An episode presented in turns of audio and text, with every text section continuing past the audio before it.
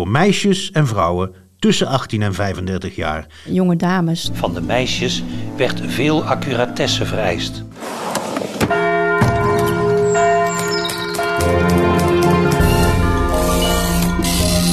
Je luistert naar het geheugen van Brabant. De podcast van het Brabants Historisch Informatiecentrum in Sertogenbos. Dwaal mee door onze archieven op zoek naar de mooiste verhalen van vroeger. Is je reisleider op onze speurtocht, Marilou Nillissen. Met trots presenteren we weer een nieuw geheugen van Brabant. En fijn dat je luistert. En fijn dat jij er bent, Anton. Heb je toevallig uit de grote stapels reacties nog een leuke gevonden? Jazeker, jazeker. Ik heb uh, een reactie van Anja van Elst. Die schrijft... Via de bonus over die man met zijn één-beenvrouwen... kom ik nu hier en luister ik naar de hele aflevering. Enthousiaste club zijn jullie en ik leer veel. Dank jullie wel. Met dank aan, aan jou, Anja. En Anton, wat heb je eigenlijk onder je arm? Ik heb meegenomen de Graafse Courant van 100 jaar geleden. Van 11 maart 1922 om precies te zijn. En daar gaan we in de loop van de aflevering een paar uh, artikeltjes en uh, advertenties uit voorlezen. Oké, dus we snuiven even aan de tijd van 100 jaar terug. Precies. En zitten daar toevallig ook nog advertenties over vrouwen bij? Inderdaad. Nou, dat komt mooi uit, want dat is ook het centrale thema voor, uh, voor deze aflevering. Want we zitten inmiddels in maart, dus de maand van de Internationale Vrouwendag. Maar eerlijk gezegd is dat niet de aanleiding om wat uh, stil te staan. Want veel belangrijker is uh, dat de vrouw juist hier bij ons in het archief nogal onzichtbaar is. Om de simpele reden dat je niet in de boeken kwam als, als hardwerkende boerin of als moeder van een groot gezin. Terwijl, en dat ben je vast met me eens, Anton, vrouwen wel een heel belangrijke rol spelen in de samenleving. Zeker weten. En de geschiedenis van Brabant. Ja. Vandaar ook dat vrouwtje Tuinman onze hoofdgast is. Die ook vertelt over haar vrouwelijke hoofdpersonage van haar boek Tijdelijk Verblijf. Precies. En volgens mij heb jij ook een bijzondere dame ontmoet in je column, hè? Zeker weten. Dat en nog veel meer. Maar eerst gaan we kijken naar dat ene onderdeel dat weer niks met het thema te maken heeft. We gaan eens kijken wat Margot gevonden heeft bij... Vondst van de maand. Hoi Margot, neem je ons nou mee terug naar een plaatsdelict? Ja, klopt. Ja, bizar dat we hier stille getuigen zijn van een brute moord uh, in Haps in 1823. Oeh, en wie is hier dan vermoord? Hier is uh, Gradus Willemsen vermoord. Uh, het is een reconstructietekening en die is afkomstig uit het vredegerecht van Boksmeer.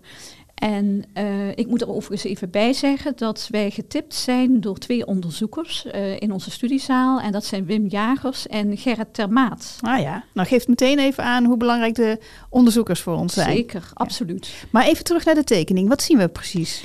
Uh, nou, we zien hier, kijk, ik zal je even de tekening laten zien. Mm -hmm. Ja, nou, zo, zo te zien heeft Graders zich niet snel gewonnen gegeven en hij heeft flink, zich flink verdedigd. Want uh, je ziet hier allemaal kleding op de grond liggen. Dat is allemaal mooi getekend. Ah, ja. Kijk, hier zie je een, een zwart polhoedje. En hier staat den halsdoek. Hieronder zie je een pak van de vermoorde. En daarnaast ligt de kniep van de moordenaar. En de kniep, dat is het mes. Mhm. Mm -hmm. En hier zie je dit cirkeltje. Dan, uh, dit is uh, waar de moord geschiet. Dus daar is hij vermoord. En je ziet hier een streepje naar een grotere cirkel. En daar heeft de moordenaar of de verdachte heeft daar het uh, lichaam naartoe gesleept. Ah ja, dus het is een soort plattegrond van Haps. Ja, en daarin klopt. staat heel nauwkeurig aangegeven waar die moord is gepleegd en waarmee. Klopt. Deze vrederechter is dus naar Haps afgereisd om onderzoek te doen. En hij liet het allemaal, dus de hele situatie liet hij mooi optekenen. Maar wat ik heel opmerkelijk vind, als je hier nou kijkt, daar staat Den Pak van T. Peters. Dus het is eigenlijk de beoogde verdachte. Dus die stond al in de tekening. Dus die vrederechter had al het idee, dat zou deze man wel eens kunnen zijn. Dus waarschijnlijk hebben ze hem zien wegrennen of zo, want je ziet hier ook een vluchtroute. Ah ja, ja, ja. Zie je? Ja. Maar uh, ja, dus uh, we zijn dus even gaan zoeken in het archief wat we nog meer over die T. Peters uh, konden vinden. En ja, dat vonden we natuurlijk. Um, Thomas Peters was geboren in Hapst op 1 oktober 1777. En hij heeft zich wel vaker in de nesten gewerkt, blijkt. Voor zijn vrouw en zijn twee kinderen in Beugen probeert hij rond te komen als smokkelaar en ook als dief. En hij is ook al flink wat keren in zijn kraag gevat en vastgezet. En één keer weet hij, weet hij zelfs te ontsnappen uit het gevangen. Maar dan is het 1823 en dan is hij echt flink serieus in de problemen geraakt. Dan eh, wordt Thomas ervan verdacht de 41-jarige Grades Willemsen te hebben vermoord. En eh, we hebben ook getuigenverklaringen en daaruit blijkt dat hij die zomer eh, werkte in Brielen aan de dijken. En daar heeft hij ook een stevig mes gekocht. Nou is dat niet een... Strafbaar? Nee. Nee. nee, klopt. Dat is geen overtuigend bewijs. Maar de vrederechter kreeg ook te horen dat Thomas in het verleden een Fransman had omgelegd. En, maar we vinden nog meer in dit archief, want behalve deze reconstructietekening vinden we ook het verzoek van de schout om de dader op het schavot te mogen brengen. En dat gebeurt ook. Op 14 oktober veroordeelt het Hof van Assise Pe- Thomas Peters in Arnhem tot de dood. En even voor de luisteraars, het Hof van Assise, dat is het hoogste beroep. Je kunt niet in hoger beroep tegen een uitspraak van dit hof gaan. Wel bijvoorbeeld eh, als het eh, procedurefouten is, dan kun je naar het Hof van Cassatie. Nou, we lezen dat het voor Thomas eh, Peters niet goed is afgelopen. Het vonnis werd voltrokken op zaterdagmiddag 31 januari 1824. En eh, om klokslag 12 uur maakte de galg op de markt in Arnhem onder het gejoel van de menigte ja, een einde aan zijn leven. Het is een hele barbaarse straf, vind ik, eigenlijk. Maar goed, het is wel een mooie vondst. Dat dan weer wel. Oké, dankjewel. Graag gedaan. Brabant in beelden. Welbesteden avonturen voor al die extra kosten in het nieuwe jaar. Werktijden van 6 uur tot 10 uur of van 6 uur tot 11 uur. Voor meisjes en vrouwen tussen 18 en 35 jaar behoeft lege tijd geen probleem meer te zijn, want zij kunnen in de avonturen terecht bij Jansen de Wit, op de inpakafdeling of de kousenconfectie. Arbeidstijden minimaal 20 uren per week nader te regelen. Aanmelden is mogelijk overdag van 9 tot 12 uur en van 2 tot 5 uur. En elke maandagavond tot half 8 bij de afdeling personeelszaken van de Koninklijke Kousen- en Sokkenfabrieken M. Jansen de Wit NV te Schijndel. Mathilde, waar luisteren we nu naar? Dit was onze eigen Anton, die een advertentie eh, voorleest van de Schijndelse kousenfabriek Jansen de Wit. En die zijn dus kennelijk op zoek naar jonge dames tot 35 jaar voor in hun eh kousenatelier. Aha. En welke foto hoort hierbij? Welke foto heb je meegenomen? Ik heb een foto meegenomen van een achttal eh, jonge dames in een tuin die zomaar op deze advertentie eh, van Anton gereageerd zouden kunnen hebben. En waarom specifiek deze foto? Deze foto geeft een heel mooi tijdsbeeld. De dames die bevinden zich duidelijk op een soort overgang van de keurige jaren 50 naar de jaren 60. Ze zijn in de leeftijd eh, eh, uit de advertentie, zo eh, tot 35 jaar, ik denk zelfs iets jonger. En ze staan eigenlijk gezellig te, te praten in de tuin. Maar het is wel, de foto komt uit een reportage van de, van de kousenfabriek. Waarin ook heel veel foto's in de ateliers zijn gemaakt. Dus deze dames die, die werkten daar wel.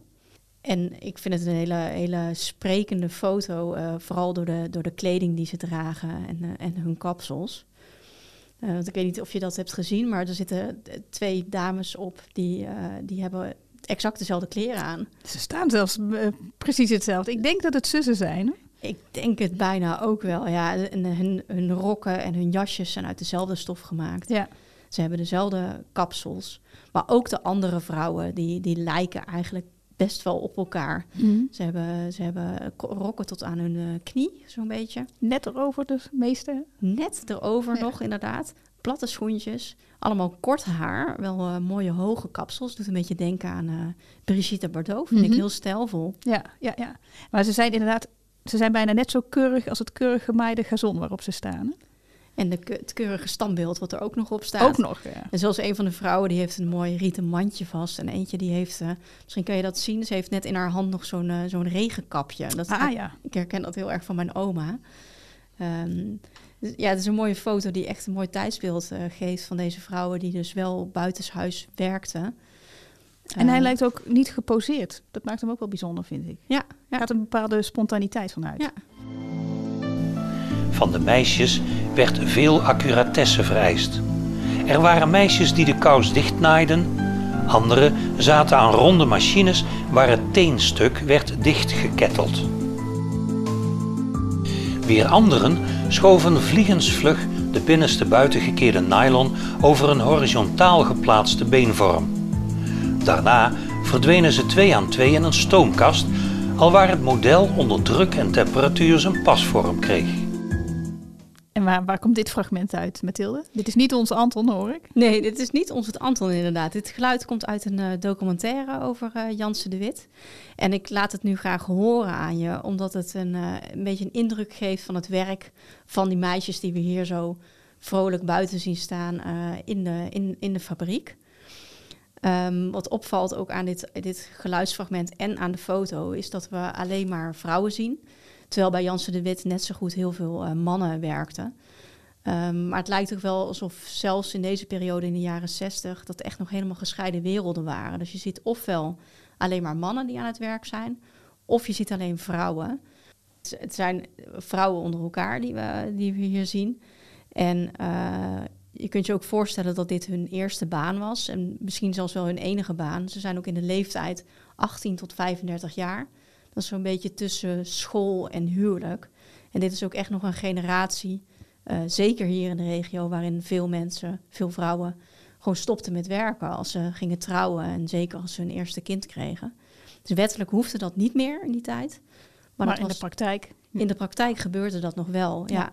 ja. En dat is ook iets wat je erbij kunt... Uh, je, je, kunt het niet zien aan de foto, maar je kunt het er wel bij, bij voelen. Dat ze gewoon even los zijn van het gezin waar ze uitkomen en het gezin waar ze naartoe gaan. Ja. Een en ander werd in de hand gewerkt doordat in de vrouwenmode de korte rok verscheen. En daarbij paste geen zwarte kous meer. De kous in vleeskleur, hier ook wel de chanskous genoemd, werd mode. Dit komt uit diezelfde documentaire, vermoed ik? Het komt uit dezelfde, inderdaad, ja. Maar er is één woord wat enorm opvalt, althans bij mij wel, bij jou ook? Bij mij zeker ook, ja. Dat is, die, uh, dat is een chanskous. Ja. Dat is een prachtig woord, vind ik. Uh, het, het, uh, het, gaat over de dunne nylon kous in, in vleeskleur die de illusie gaf van blote benen. En als we naar onze foto kijken, dan hebben de vrouwen daar weliswaar geen echte korte rok aan. Maar toch ook zeker geen lange rok. En daaronder hebben ze blote benen. Of misschien wel een echte chanskous. Je kunt het niet zien. Dus uh, het, het, zou zomaar kunnen, ja. ja. Het maakt in ieder geval de foto heel erg interessant. Dus wil je zelf kijken uh, hoe het eruit ziet? Mathilde, waar kunnen mensen dan heen? Uh, voor deze foto en trouwens ook nog voor meer foto's en films van Jansen de Wit... kunnen mensen gaan naar bhic.nl slash podcast... En daar is ook die documentaire te vinden waar we wat geluid uit hebben gebruikt. En die is gemaakt door Hendrik Helslingen. Dankjewel Mathilde. En zo dadelijk is schrijfster Vrouwtje Tuinman hier te gast. Maar nu eerst gaan we luisteren naar... Uit de Graafse Courant van 11 maart 1922. Demen. Onze oud-dorpsgenote, mejuffrouw Fientje van Rijn, thans onderwijzeres aan de Rooms-Katholieke Meisjesschool te Reek, is in gelijke betrekking benoemd de Os, met ingang van 1 mei aanstaande. Hotel P. van Vonderen Graven. Zoete, gegarandeerd zuivere medicinale bloed- en kinawijn. Door heren doktoren aanbevolen. Middel tegen bloedarmoede, bleekzucht en maaglijden. Stem uit het verleden. De fraaiste wandeling voorzeker die men van hier in een omtrek kan doen, is naar Udenhout. De weg gaat over Enschot en Berkel. Meestal heeft men ene laan, gevormd door hoogopgaande bomen, die een aangename schaduw aanbieden.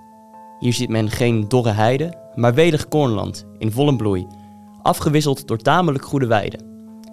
Bijzonderheden vindt men op gene der genoemde plaatsen, maar men treft te Udenhout een buitengoed aan, door ene vrij zonderlinge eigenaars er bewoond. Dezelfde verlogent op verschillende manieren hare sekse en vindt er genoegen in voor man door te gaan. Mevrouw van Frankenberg, zo is de naam der vrouw, vond reeds bij het leven van hare man goed zich in mansgewaad te tooien. Zij verkiest, vooral wanneer er vreemden bij zijn, gelijk het nu met inkwartiering meermalen het geval was, mijn heer genoemd te worden en is er mede gediend wanneer vreemden haar deze naam geven. Vrouwelijke handwerk oefent zij niet uit, maar zolang haar de jaren het toelieten, was zij een dolle liefhebster van de jacht. Reed zij als een man te paard en mocht zij gaarne vissen. Ook nu nog rookt zij tussen beiden, doch besteedt een voornaam deel van haar tijd aan lezen. Onze nieuwsgierigheid was verregaande opgewekt om met deze zonderlinge vrouw te spreken en wij besloten daarom te verzoeken van de plaats eens te mogen zien.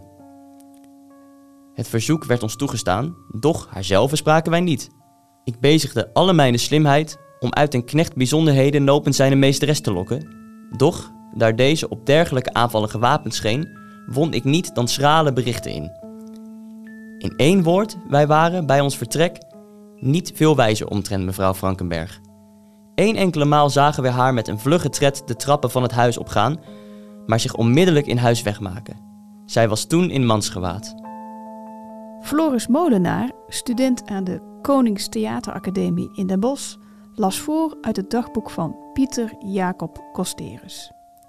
Als jongeman sluit Costerus zich aan bij het jagerkorps der Utrechtse studenten en zo komt hij in 1831 in Udenhout terecht. En daar gaat hij op zoek naar deze Maria Susanna Johanna van Dop, die in haar tijd opzienbaard door te roken, te lezen en broeken te dragen. Op het podium. Vrouwtje Tuinman, dichteres, romanschrijfster, journaliste. Jij schreef onder meer ook voor Opzij, hè? Ja, dat is een tijdje geleden. Ja, maar dus het Feministisch Maandblad, en ik vraag het, want het toeval wil dat het vandaag, eh, de dag dat wij dit gesprek hebben, is het 8 maart, Internationale Vrouwendag. Vind je het nodig dat het er is, dat het bestaat? Ja, dat denk ik wel. Ja. Ik vind eigenlijk gewoon dat iedereen wel een dag verdient. Eh, en dat het ook goed is voor de anderen. Om te weten dat die andere mensen een dag verdienen. ja. Ja, En, en, en houd je nederig. het houdt je nederig. Ja. Even naar je boek. Tijdelijk verblijf. Dat is tot stand gekomen door het Prins Bernhard Cultuurfonds en het literair productiehuis Tilt. Dat gaat over een moeder, een sterke vrouw. Eh, past daarom ook heel goed in ons thema vrouwen. Eh, vertel eens, wie is die moeder? De moeder in tijdelijk verblijf is een boerendochter. Mhm. Ehm, wordt al heel jong weduwe. eh, op een heel dramatische manier. Eh, niet dat er leuke manieren zijn, maar, maar toch. En ze heeft dan drie jonge kinderen. Ehm, we hebben het over begin jaren 50. Eh, er is weinig geld en ehm, ja, ze moet iets. En ehm, ze neemt een pension over in Eindhoven. Best ongebruikelijk als vrouw alleen. Want in welke tijd zitten we dan? Eh, als ze het pension overneemt, zitten we zo 3,54. Mhm. En gaat daar met haar jongetjes wonen. Eh, ook al is het best een beetje een eh, shabby toestand. En ze gaat dan heel erg hard werken om toch een toekomst neer te zetten voor hun. En zo te horen staat ze er dan behoorlijk alleen voor. Ze staat er behoorlijk alleen voor. Ze heeft een vriend die, die ook mee inkomt wonen in het eh, pension. Maar om nou te zeggen dat je ontzettend veel aan hem hebt, dat is ook weer niet zo. En ook hij is een beetje shabby. Eh, dus er zijn dingen in zijn verleden die niet helemaal door de beugel kunnen, maar die ook niet helemaal duidelijk worden. Maar toch weet ze zich heel aardig te redden. En ze maakt van het pension wat aanvankelijk ehm, best leuk, want dat wist ik niet dat dat bestond eh, in die tijd. Er kwamen vooral variété-artiesten en mensen die in theaters aan de bar stonden en, internationale dansorkesten. Je had een enorme variété-cultuur in, eh, in Eindhoven. Maar daar, daar hing ook een beetje de rafelrand van de maatschappij aan. En gaandeweg weet ze dat wat op te trekken. Dat het eh, toch allemaal wat, wat keuriger wordt. En ehm, een betere omgeving voor de kinderen misschien ook. Ehm, ze weet zich te, te handhaven. Ja. Waar heb je haar ontmoet? In de zin van waar ben je op haar gestuurd? Ik ben op haar gestuurd in, in, in krantenartikelen over de dood van haar eh, drie zoons. Ehm, ik werd gevraagd door Tilt eh, in, in Tilburg eh, om het Brabant Boekpresent te schrijven in 2021. En ehm, als Brabantse auteur, dat, dat vragen zij ieder jaar een auteur te doen. En ehm, nou woon ik zelf al meer dan de helft van mijn leven in Utrecht. En ik dacht, ik moet wel echt een Brabants onderwerp kiezen, want anders krijg ik daar gedoe mee. en, eh, eh, maar dat was ook leuk om te doen. Ik, ik wilde iets schrijven wat daadwerkelijk was gebeurd. En wat in mijn ogen een andere blik verdiende, meer aandacht verdiende. En dat werd uiteindelijk, ik heb met een aantal onderwerpen gejongleerd uh, en daar research over gedaan. En het werd uiteindelijk de dood van deze drie jongens. Want die drie zoons gaan alle drie binnen vijf maanden tijd overlijden zij. Onder mysterieuze omstandigheden die ook nooit opgehelderd zijn en ook niet meer opgehelderd gaan worden. Want, uh, want er is geen uh, materiaal meer van hun aanwezig. Ja, en ik vind het dan ook eigenlijk best bijzonder hoe die moeder dan haar leven weer oppakt en toch verder gaat.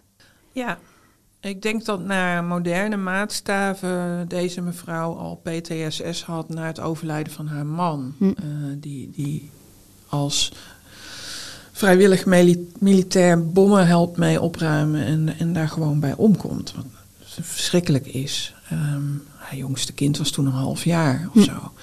En, um, maar ze heeft geen tijd voor PTSS. Daar komt het eigenlijk op neer. Ze moet gewoon zorgen dat zij en haar, en haar drie kinderen het gaan redden. En, en dat is uh, haar levenshouding. Ik denk ook wel dat het een tijdsbeeld is. Uh, niet lullen, maar poetsen. Mm -hmm. um, ook als ik. Uh, toen ik research deed over deze families. Um, dan kom je ook op de, op de relativerende waarheid dat het uh, normaal was dat er heel veel mensen doodgingen. De, wij zijn daar inmiddels een beetje van vervreemd, maar zowel de moeder als de vader van deze drie jongens komen uit een gezin waar meer dan de helft van de kinderen de volwassenheid niet haalden. En uh, dat is niet zo ontzettend lang geleden. Hm.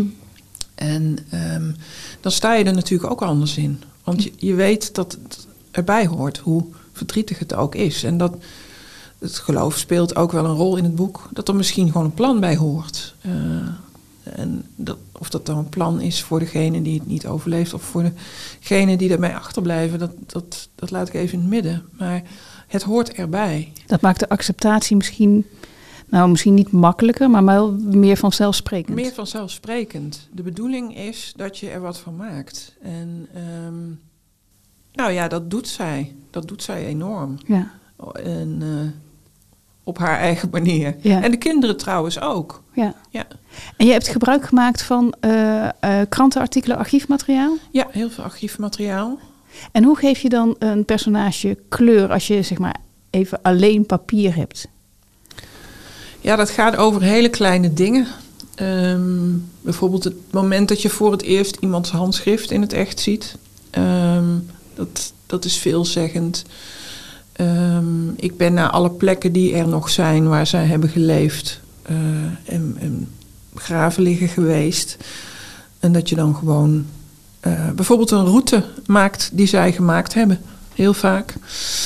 Um, dat geeft kleur. Ik heb met, uh, met, met een nog levende neef gepraat. Die zelf aanvankelijk zei: Ja, ik weet eigenlijk heel weinig. Ik was zelf een kind. En, er werd niet over gepraat. Het werd allemaal onder het tapijt geschoven. Ik weet niks. Maar hij wist heel veel dingen die voor mij heel erg waardevol waren. Namelijk gewoon hele alledaagse dingen. Wat waren jullie zoal aan het doen de hele dag? En, uh, en hoe zag dat eruit? En um, hoe voelde dat? Hoe voelde die gebeurtenis? Hoe voelde het dat het onder het tapijt werd geschoven? En uh, al die dingen die geven kleur. Ja. Ja. En, en, wist die neef ook nog te vertellen hoe dat verhaal, uh, of het verhaal nog bleef doorbestaan in de familie of wat daarover werd gezegd? Er werd over gezegd uh, dat het um, wel de schuld van de moeder en haar vriend zou zijn. Um, daar is nooit bewijs voor gekomen. Nee, want misschien even goed om te zeggen, de jongens die overlijden vrij snel en onder ja. een beetje.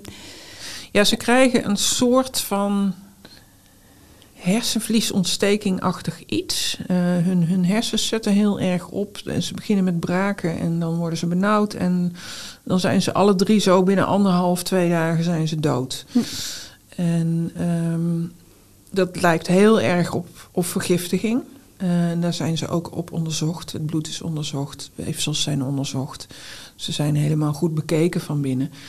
En er is gewoon niks aangetoond kunnen worden. Hm. Geen, uh, geen ziekte, geen valse opzet, geen uh, ongeluk. Want het had ook nog gekund. Het zijn jongens, ze, ze wonen in een wijk in Eindhoven. Waar en heel veel industrie altijd al is geweest. En heel veel oorlogsrestanten liggen. Dus ik bedoel, ze hadden ook gewoon net in het verkeerde veldje kunnen graven en hun handen niet kunnen wassen. Ja. Dat had het kunnen zijn.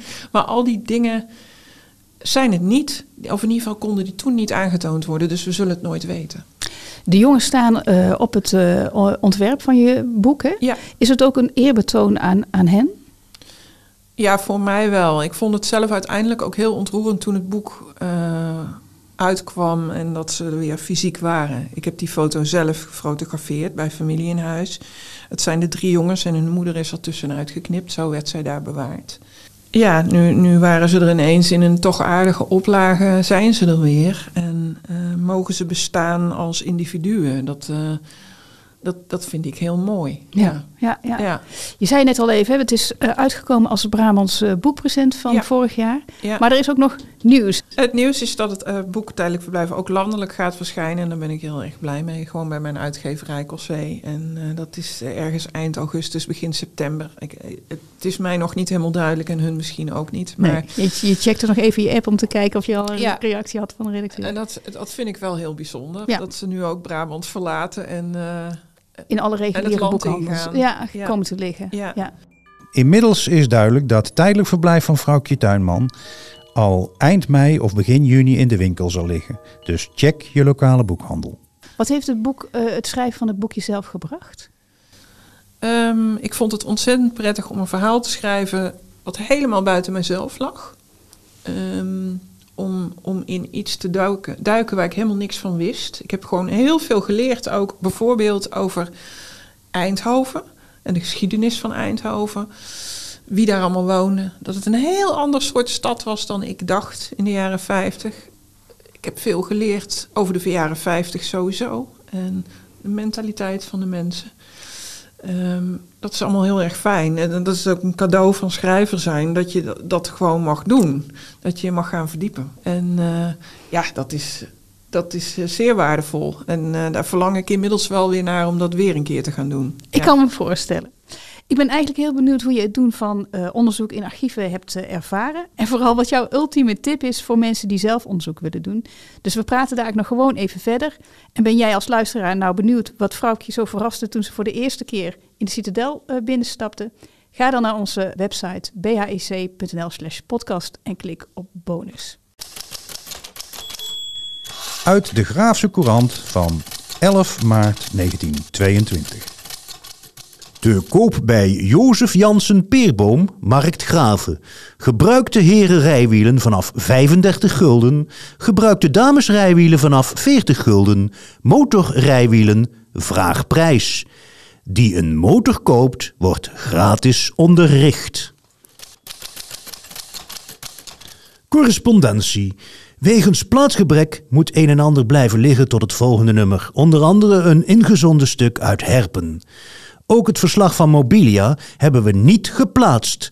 Ten eerste omdat het veel te groot is en ten tweede omdat een verslag van een wedstrijd van zondag vroeger kan worden ingezonden. Redactie. Old case, cold case. Op woensdagmorgen 22 augustus 1900 loopt de 11-jarige Marietje Kessels naar de brievenbus, dicht bij haar huis. Maar de brief die ze zou posten komt nooit aan. En twee dagen later wordt het meisje dood aangetroffen in de kerk van de Tilburgse wijk Noordhoek. Er volgt een strafproces, er zijn verdachten, maar er is nooit een dader veroordeeld. Samen met mijn collega Christian open ik de talloze dozen die over deze zaak gaan. En bekijken we wat de archieven ons vertellen. Die vormen ons verhaal. Nou, vorige keer werd duidelijk dat Marietje uit een welgesteld gezin komt. Zozeer zelfs dat eerst aan ontvoering wordt gedacht. En we zagen dat de pastoor opduikt op cruciale plekken en tijden tijdens het onderzoek. Dit keer Marietje wordt gevonden. Oké Christian, het is nu donderdagochtend 23 augustus 1900. Marietje is al bijna 24 uur vermist. Wat nu? Nou, het is tijd, vindt de politie tenminste, om het verhaal van een kantoorbediende van de firma Kessels, een Hendrik van de Put, na te gaan. En hij had namelijk gehoord dat er in de kerk een deur had opengestaan die normaal niet open stond. Hmm, is, is dat belangrijk dan? Ja, nou toch wel, want hier, ja, hiervoor moet je wel even denkbeeldig mee naar die kerk. En ik vond er ook deze plattegrond van. Kijk, er is dus hier een deur die vanuit het zijportaal van de kerk leidt naar een wenteltrap in een torentje. En En die trap die gaat naar het verwulfsel. Sorry, het wat? Het verwulfsel, ja, dat is een heel ouderwets woord voor het, het gewelf. Dus echt helemaal boven in de kerk. Ehm, zeg maar de ruimte tussen die stenen ronde bogen, hè, die je ziet als je omhoog kijkt, als je in de kerk staat. En het dak eh, daarboven. Dus het is eigenlijk een soort vliering, maar dan zonder vloer.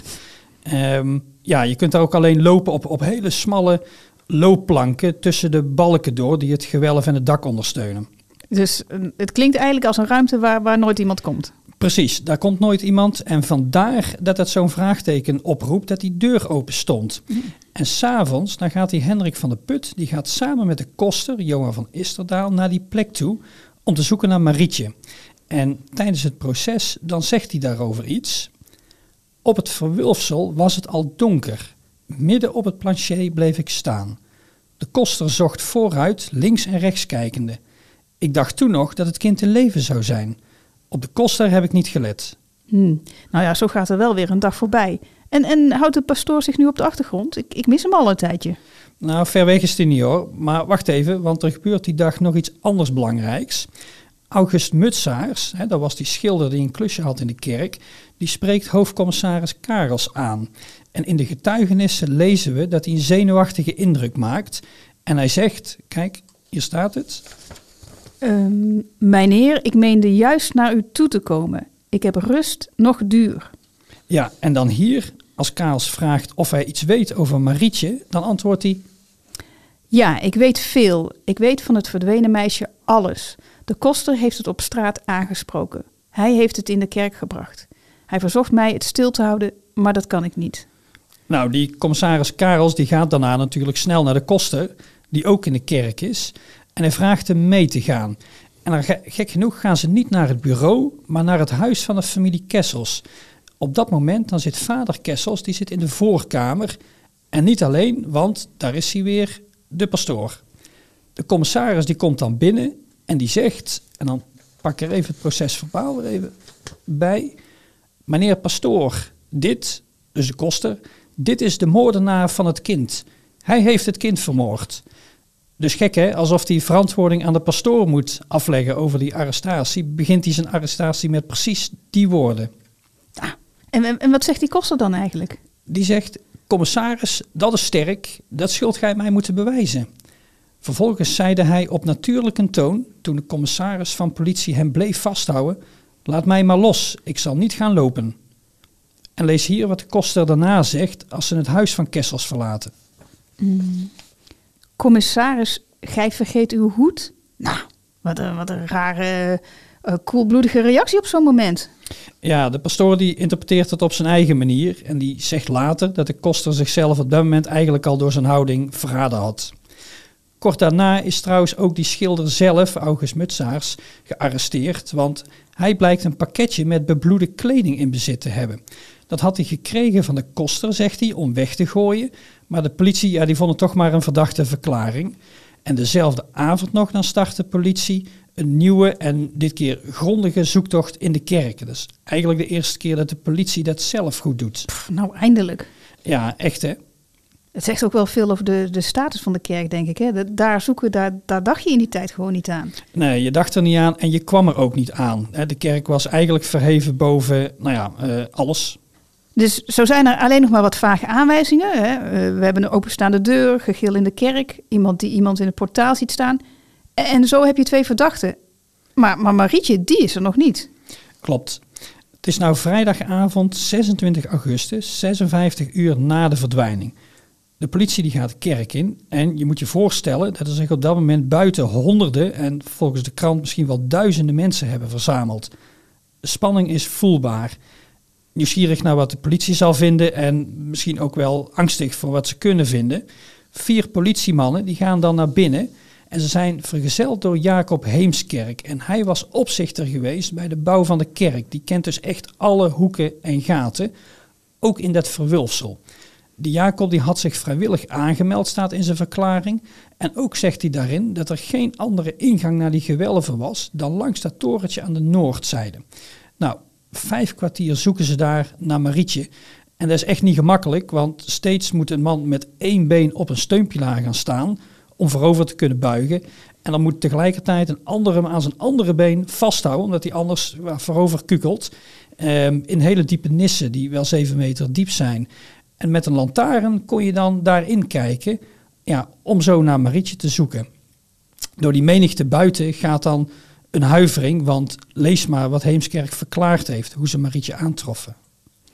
Het lijkje lag met het hoofd omlaag, de handen boven het hoofd, het linkerbeen gestrekt en het rechterbeen opgetrokken. Aan de neus was wat bloed te zien. Het lijkje was geheel ontkleed. Alleen de benen waren door zwarte kousjes bedekt. Om de hals was een wit kledingstuk gesnoerd.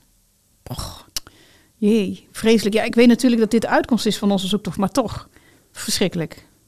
Ja, je krijgt er nou nog uh, rillingen van. En over rillingen gesproken, we hebben ook een foto van hoe Marietje daar zo wordt aangetroffen. Een foto? Ja, zeg maar een, een politiefoto. Die vonden we in het procesdossier. Um, wil, wil, wil, je hem zien? Ik moet je wel waarschuwen, want het is geen fraai gezicht. Ja, uh, nou wil ik dat. Nou, uh, nou ja, we willen zelf die moord onderzoeken, dus nou, doe maar. Oké, okay, dit is hem. Jee. Tja. Heel, heel, heel heftig. Ja, nou, je snapt ook wel dat dit geen foto was voor de krant.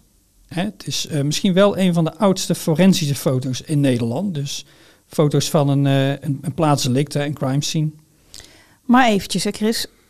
Dus deze foto zit gewoon in dat procesdossier.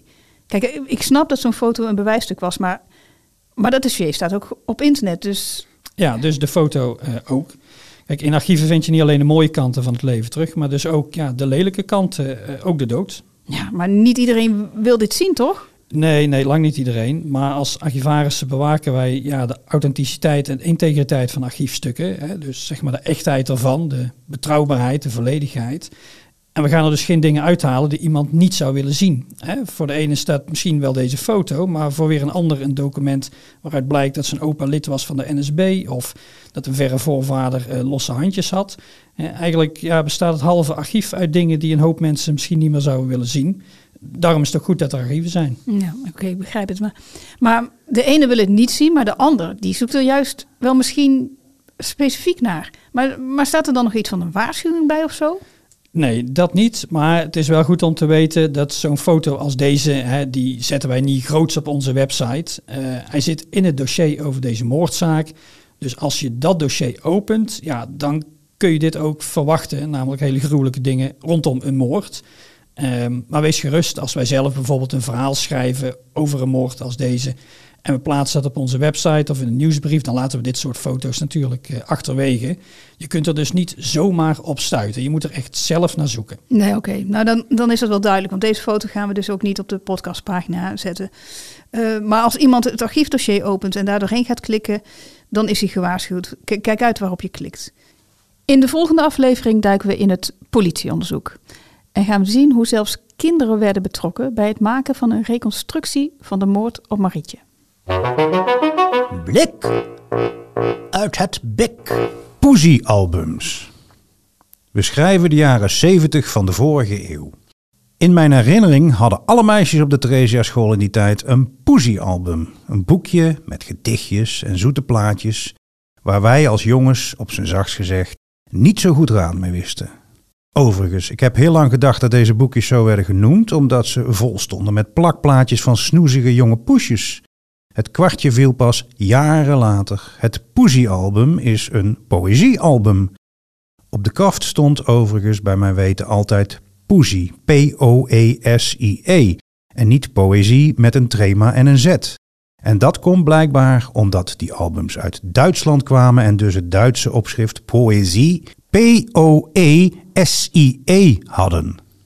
Maar goed, terug naar de inhoud van die boekjes. Vriendinnen, vriendjes, juffen, meesters, vaders, moeders, opa's, oma's, ooms, tantes. Elke argeloze voorbijganger die zich maar liet strikken, schreef er korte gedichtjes in met een vaak moraliserende boodschap, ondertekend met hun naam. Zoiets als rozen verwelken, bloemen vergaan, maar de ware vriendschap blijft altijd bestaan. Of wat dacht u hiervan? Al ben je klein, je kunt wat zijn, je hebt iets weg te geven. Een lieve lach, een blij gezicht doet wonderveel in het leven. Met zo'n Poesie-album legt de eigenaar in feite zijn sociale netwerk vast. Dat doen we tegenwoordig natuurlijk nog steeds. En misschien zelfs nog wel veel meer dan vroeger, maar dan digitaal, via Facebook of Instagram en dergelijke. Poesiealbums, digitale netwerken, ze staan in een veel oudere traditie. Het zogenaamde album amicorum of vriendenboek gaat al terug tot de 16e eeuw, toen studenten, edelen, zeg maar mannen uit de gegoede kringen, vooral mannen, bijdragen van vrienden en kennissen verzamelden in een persoonlijk boekje. Een mooi voorbeeld is het album Van der Does, dat we hier bij het Big bewaren. Vooral mannen, maar niet uitsluitend. Al zijn er veel minder van bewaard gebleven, ook adellijke vrouwen hielden soms zo'n album amicorum bij. Bijvoorbeeld Clara van Beers, een adellijk meisje uit het land van Kuik. Haar album wordt tegenwoordig bewaard bij de Koninklijke Bibliotheek in Den Haag. Over het leven van Clara is bar weinig bekend. Maar haar album geeft een mooi inkijkje in het leven van een jonge adellijke vrouw en de kringen waarin zij verkeerde, de mannen en vrouwen, de jongens en meisjes met wie ze omging. Het boekje staat vol met gedichtjes, spreuken, liedjes, tekeningen, geslachtswapens, noem maar op. Af en toe wat Latijn, vooral veel Frans en ook behoorlijk wat in het Nederlands. Zo kiest Hendrik van Steenhuis voor een moralistische les. Distelen doren steken zeer, valse tongen nog veel meer. Veel liever wol ik met distelen en doren zijn gesteken, dan van een valse tonge zijn gebeten. Een andere man, hij signeert zijn bijdrage om begrijpelijke redenen niet, neemt de gelegenheid te baat om de vrouwen eens goed de les te lezen. Gelijk als geen peert zo fel nog zo goed en leeft, dat het die sporen niet van doen en heeft, zo en is daar geen vrouwen van goede of kwade prijzen, die niet wel en behoort geslagen te zijn. Eh, dat schiet dan weer in het verkeerde keelgat bij een andere schrijver, waarschijnlijk van vrouwelijke kunnen, die eronder noteert, die alto schrijft en de zijt kwaad van die vrouwen, is niet weert dat hij een goede vrouw zal trouwen. Ik wens hem die allerkwaadste ter wereld gelijk hij is van zinnen, want hij heeft meer gallen als honig inne. En soms lijkt een scribent ronduit amoureuze bedoelingen te hebben, zoals Gerard van Eyck. Eén is een klein getal, maar om één is mij die wereld al. Eén alleen, één anders geen. Wie weet wanneer. Tja, u merkt het wel. Net als in het Poesie-album uit de vorige eeuw hoeven we in het vroegmoderne album Amicorum geen grootse poëzie te verwachten. Wel geeft zo'n boekje een mooi en soms verrassend inkijkje in de leefwereld van onze voorouders. En met deze blik op het bik zijn we aan het eind van deze aflevering. Bedankt voor het luisteren. En wil je meer weten? Kijk dan op onze show notes via bhic.nl/slash podcast. Vond je deze aflevering leuk? Abonneer je dan op onze podcast in je favoriete podcast-app. Like, review, deel, reageer. Laat ons weten wat je ervan vond. En ben je benieuwd waar we het de volgende keer over gaan hebben? Dan slaan we weer een andere depotgang in en gaan op zoek naar de mooiste foto's, films of archiefstukken die gaan over Rommelpotterij, toffelen en andere leuke en minder leuke tradities. Tot dan!